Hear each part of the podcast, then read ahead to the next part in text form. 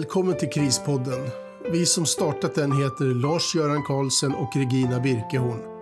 Tillsammans driver vi företaget Krisos AB. Med Krispodden vill vi öka kunskapen hos ung som gammal om hur man kommer vidare i en kris. Vi vill också öka kunskapen om hur man kan leva ett bra liv trots att man varit med om ett trauma. Regina som är krisexpert och författare kommer dels att berätta om fall hon haft under sina 20 år som krishanterare och dels på ett praktiskt sätt förklara krispsykologin.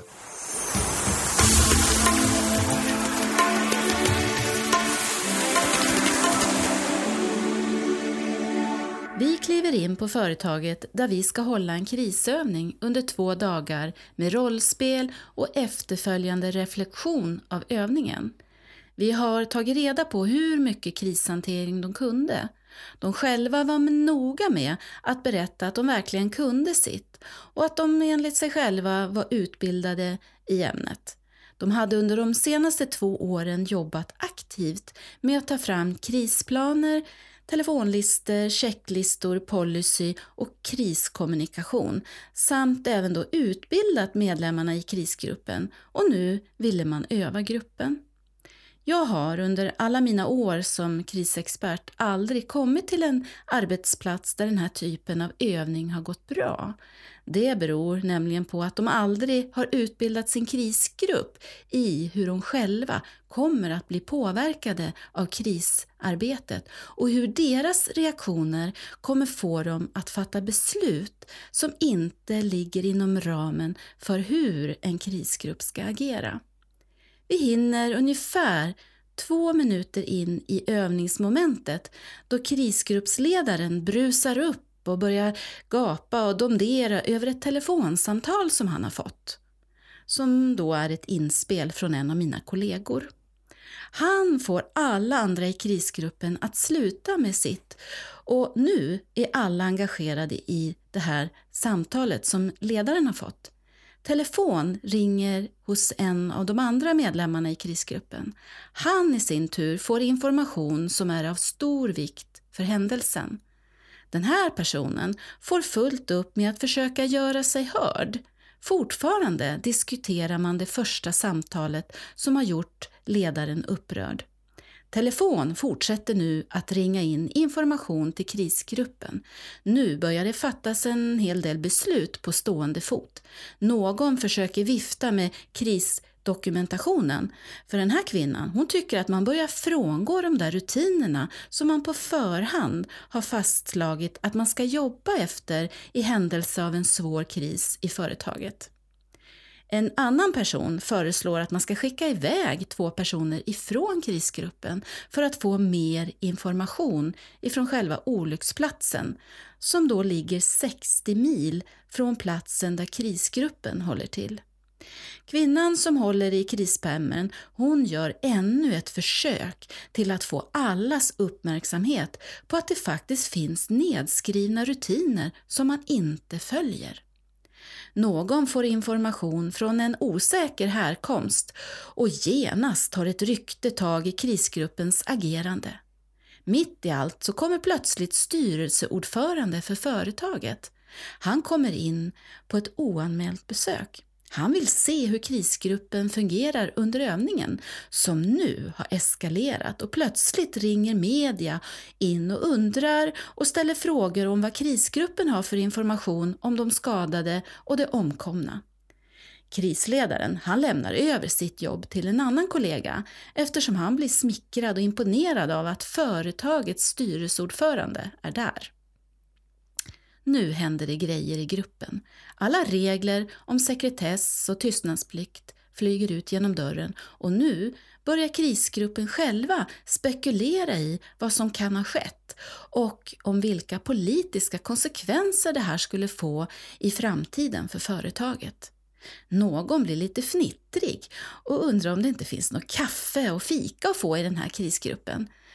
Ja, det börjar suga i kaffetarmen, säger plötsligt en annan person högt. Som observatör för detta scenario vet jag knappt om jag ska skratta eller gråta, för precis så här brukar det gå till på de flesta krisövningar där jag är observatör. ingen egen kunskap om krispsykologi. Hur det är att arbeta med kriser i en krisgrupp har varit med i deras förberedelse.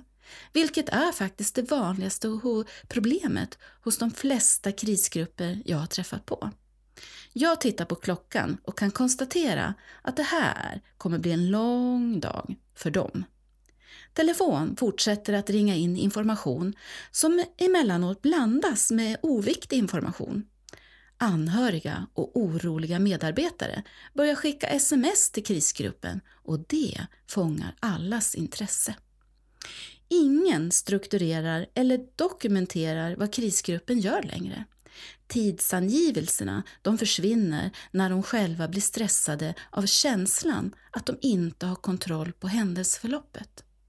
All dokumentation om hur krisgruppen ska agera finns tillgänglig. Men när krisgruppen själva hamnar i kris blir den här informationen liggande oanvänd i permen. På en del arbetsplatser består krisorganisation och krisgruppen av ett antal permar som står på en hylla som ingen trott sig behöva använda eftersom det aldrig händer något. Utbildningarna de har gått består oftast av att ta fram krisdokumentation och sedan se till att alla har tillgång till den där informationen. Nästan ingen krisgrupp är utbildad i krispsykologi. En del har fått utbildning i hur människor reagerar och fungerar i kris och vilket krisstöd enskilda människor behöver. Man har också fått en hel del säkerhetsutbildning, oftast där ingår det brandövningar. Men hur det är att gå från yrkesrollen i företaget till rollen att sitta i krisgruppen och förstå hur jag personligen kommer att bli påverkad och vilka mänskliga fällor jag kommer att ställas inför, det vet ingen. Man tror sig veta eftersom man jobbar på företaget och är duktig i den rollen. Jag är väldigt tydlig med att tro eller att ha en befattning eller ett engagemang, det är inte tillräckligt för att sitta i en krisgrupp. Nu behöver man faktiskt veta vad man ska göra och hur, också förstå hur det här kommer att påverka mig och mina kollegor.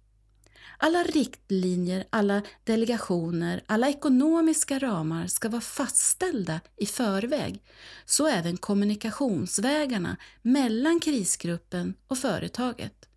Och man ska förstå på känslomässig nivå vad som kommer att ske med mig själv och även vad jag behöver när krisgruppsarbetet är klart. Hur ska avlastningen se ut?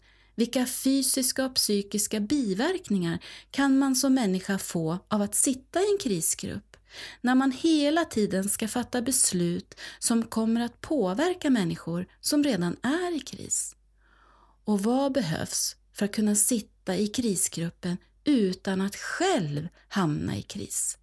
När alla människor man möter är i kris är det stor risk att man som krisgruppsmedlem själv hamnar i kris Speciellt om de som är drabbade är människor som man har en relation till i sin vardag. Hur hanteras anhöriga och media och hur ser efterarbetet ut på företaget när vardagen kommer tillbaka? Vilka konsekvenser kan man på förhand räkna ut kommer att inträffa beroende på hur krisgruppen har hanterat krisen? Efter fyra timmars övning, där tiden egentligen har varit en åtta timmars scenario, så avslutas den här övningen. Reflektionen av dagen var mycket bättre än själva övningen. Insikten om att de själva hamnade i kris kom och då fungerar ingenting som det borde ha gjort. Alla ramar, riktlinjer och policy fanns redan i deras krisperm. Och då ska man veta att den hade vi redan på Krisos läst igenom och hade två tillägg som vi skulle vilja göra. Men i övrigt så var det en väldigt bra genomarbetad dokumentation som handlar just om vad, vilka, vad som gäller när krisgruppen får larmet. När en krisgrupp kommer på vad det är de behöver och vad de brister i och vilka åtgärder som behövs för att få det här att fungera, det är då mitt jobb börjar nämligen utbildning. Och jag kan berätta att nästa gång vi sågs så var det utbildning i två dagar och vi avslutade det med en övning där alla i krisgruppen gjorde precis by the book. Man skulle ju då kunna tro att det finns instanser i vårt samhälle där de här sakerna borde folk kunna på sina fem fingrar. Men ibland kan självaste regeringen göra det mest tokiga utspel när det gäller stora krishändelser i Sverige.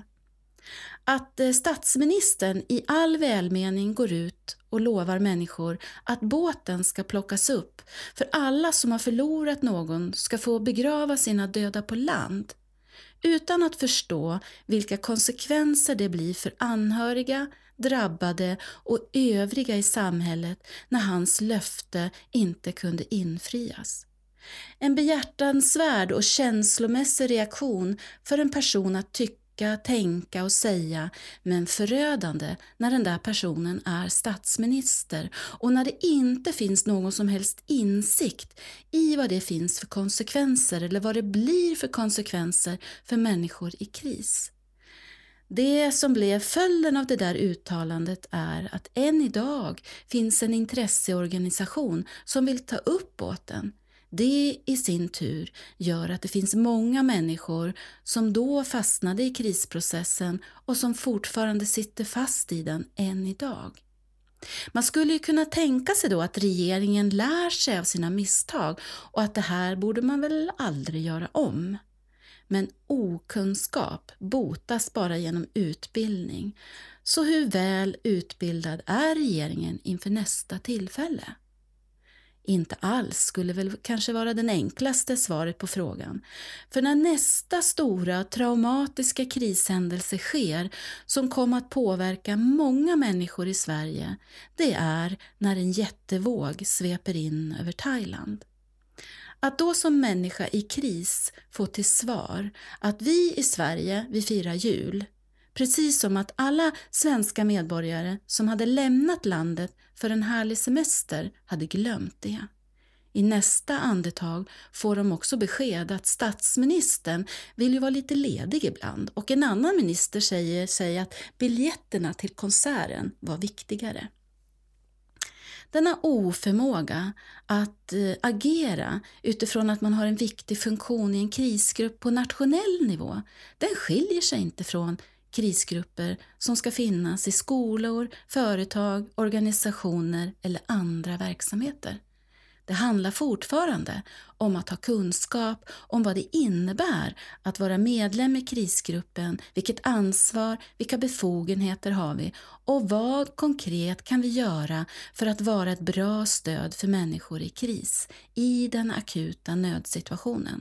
Det är då stödet, närvaron, bekräftelsen och omhändertagandet är av största vikt. Själva händelsen har ju redan hänt. Här gäller det att snabbt som möjligt visa att man finns. Man kan likna krisgruppen med att vara som brandkåren. Man larmar ut dem, de åker ut, de gör sitt jobb och resultatet eller utgången är av sekundär betydelse. För när man väl ringer 112 vill man ha respons på en gång. Får man det och huset ändå brinner ner, då kommer jag ju knappast anklaga den där brandkåren för att de inte har gjort sitt jobb. Men ringer jag 112 och det dröjer dem tre dagar att komma, då kommer jag troligtvis vara galen för att de inte ens har försökt att rädda mitt hus eller mitt hem eller mitt barn. Det viktiga med krisgruppen det är responsen och närvaron. Efter en akut händelse då har jag ju ändå en krisprocess som jag som person ska gå igenom och ta mig igenom. Att kränka människor genom löften, bristande åtgärder eller nonchalans det leder till att många människor kommer få det svårt att processa krisen och plötsligt blir livet mycket mer besvärligt att leva. Det i sin tur leder till enorma kostnader när människor blir sjukskrivna på grund av dålig krishantering.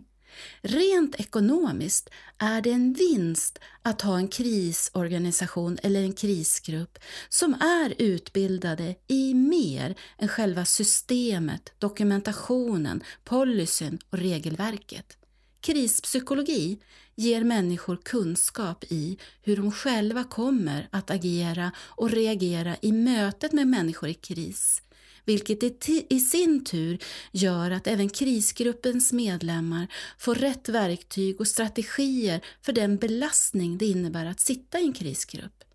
Klarar man inte av att lösa ett krisscenario i ett övningsmoment finns inte en chans att man kommer att klara av det när det verkligen gäller. Utbildning, övning och mer utbildning ger färdigheter som ständigt behöver uppdateras. Krishantering ska inte vara permar i en hylla som alla hoppas på att de aldrig behöver använda. Företag som sällan eller aldrig behöver hantera kriser behöver öva sin krisgrupp regelbundet för att hålla kunskapen vid liv. Kris är en del av livet. Frågan är inte om, utan när det sker. Tack för att du har lyssnat på Krispodden. Om du har frågor till Regina kan du mejla dem till info.krisos.se. Krisos stavas med C. Vill du veta mer om Krisos kan du gå in på vår hemsida www.krisos.se eller besöka oss på Facebook.